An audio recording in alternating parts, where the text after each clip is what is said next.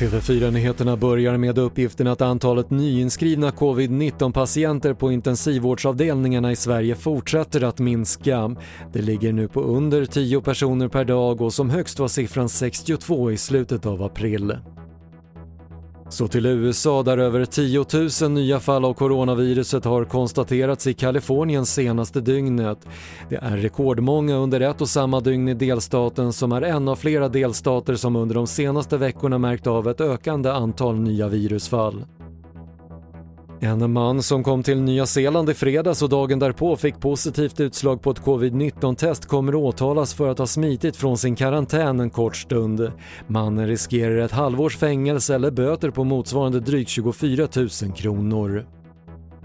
Och trots coronapandemin har rekordmånga bostadsrätter sålts under juni enligt nya siffror från Svensk Mäklarstatistik. Efter att försäljningen sjönk under maj såldes över 10 000 bostadsrätter förra månaden vilket är 1300 fler än samma månad förra året. Det var det senaste från TV4 Nyheterna. Jag heter Patrik Lindström.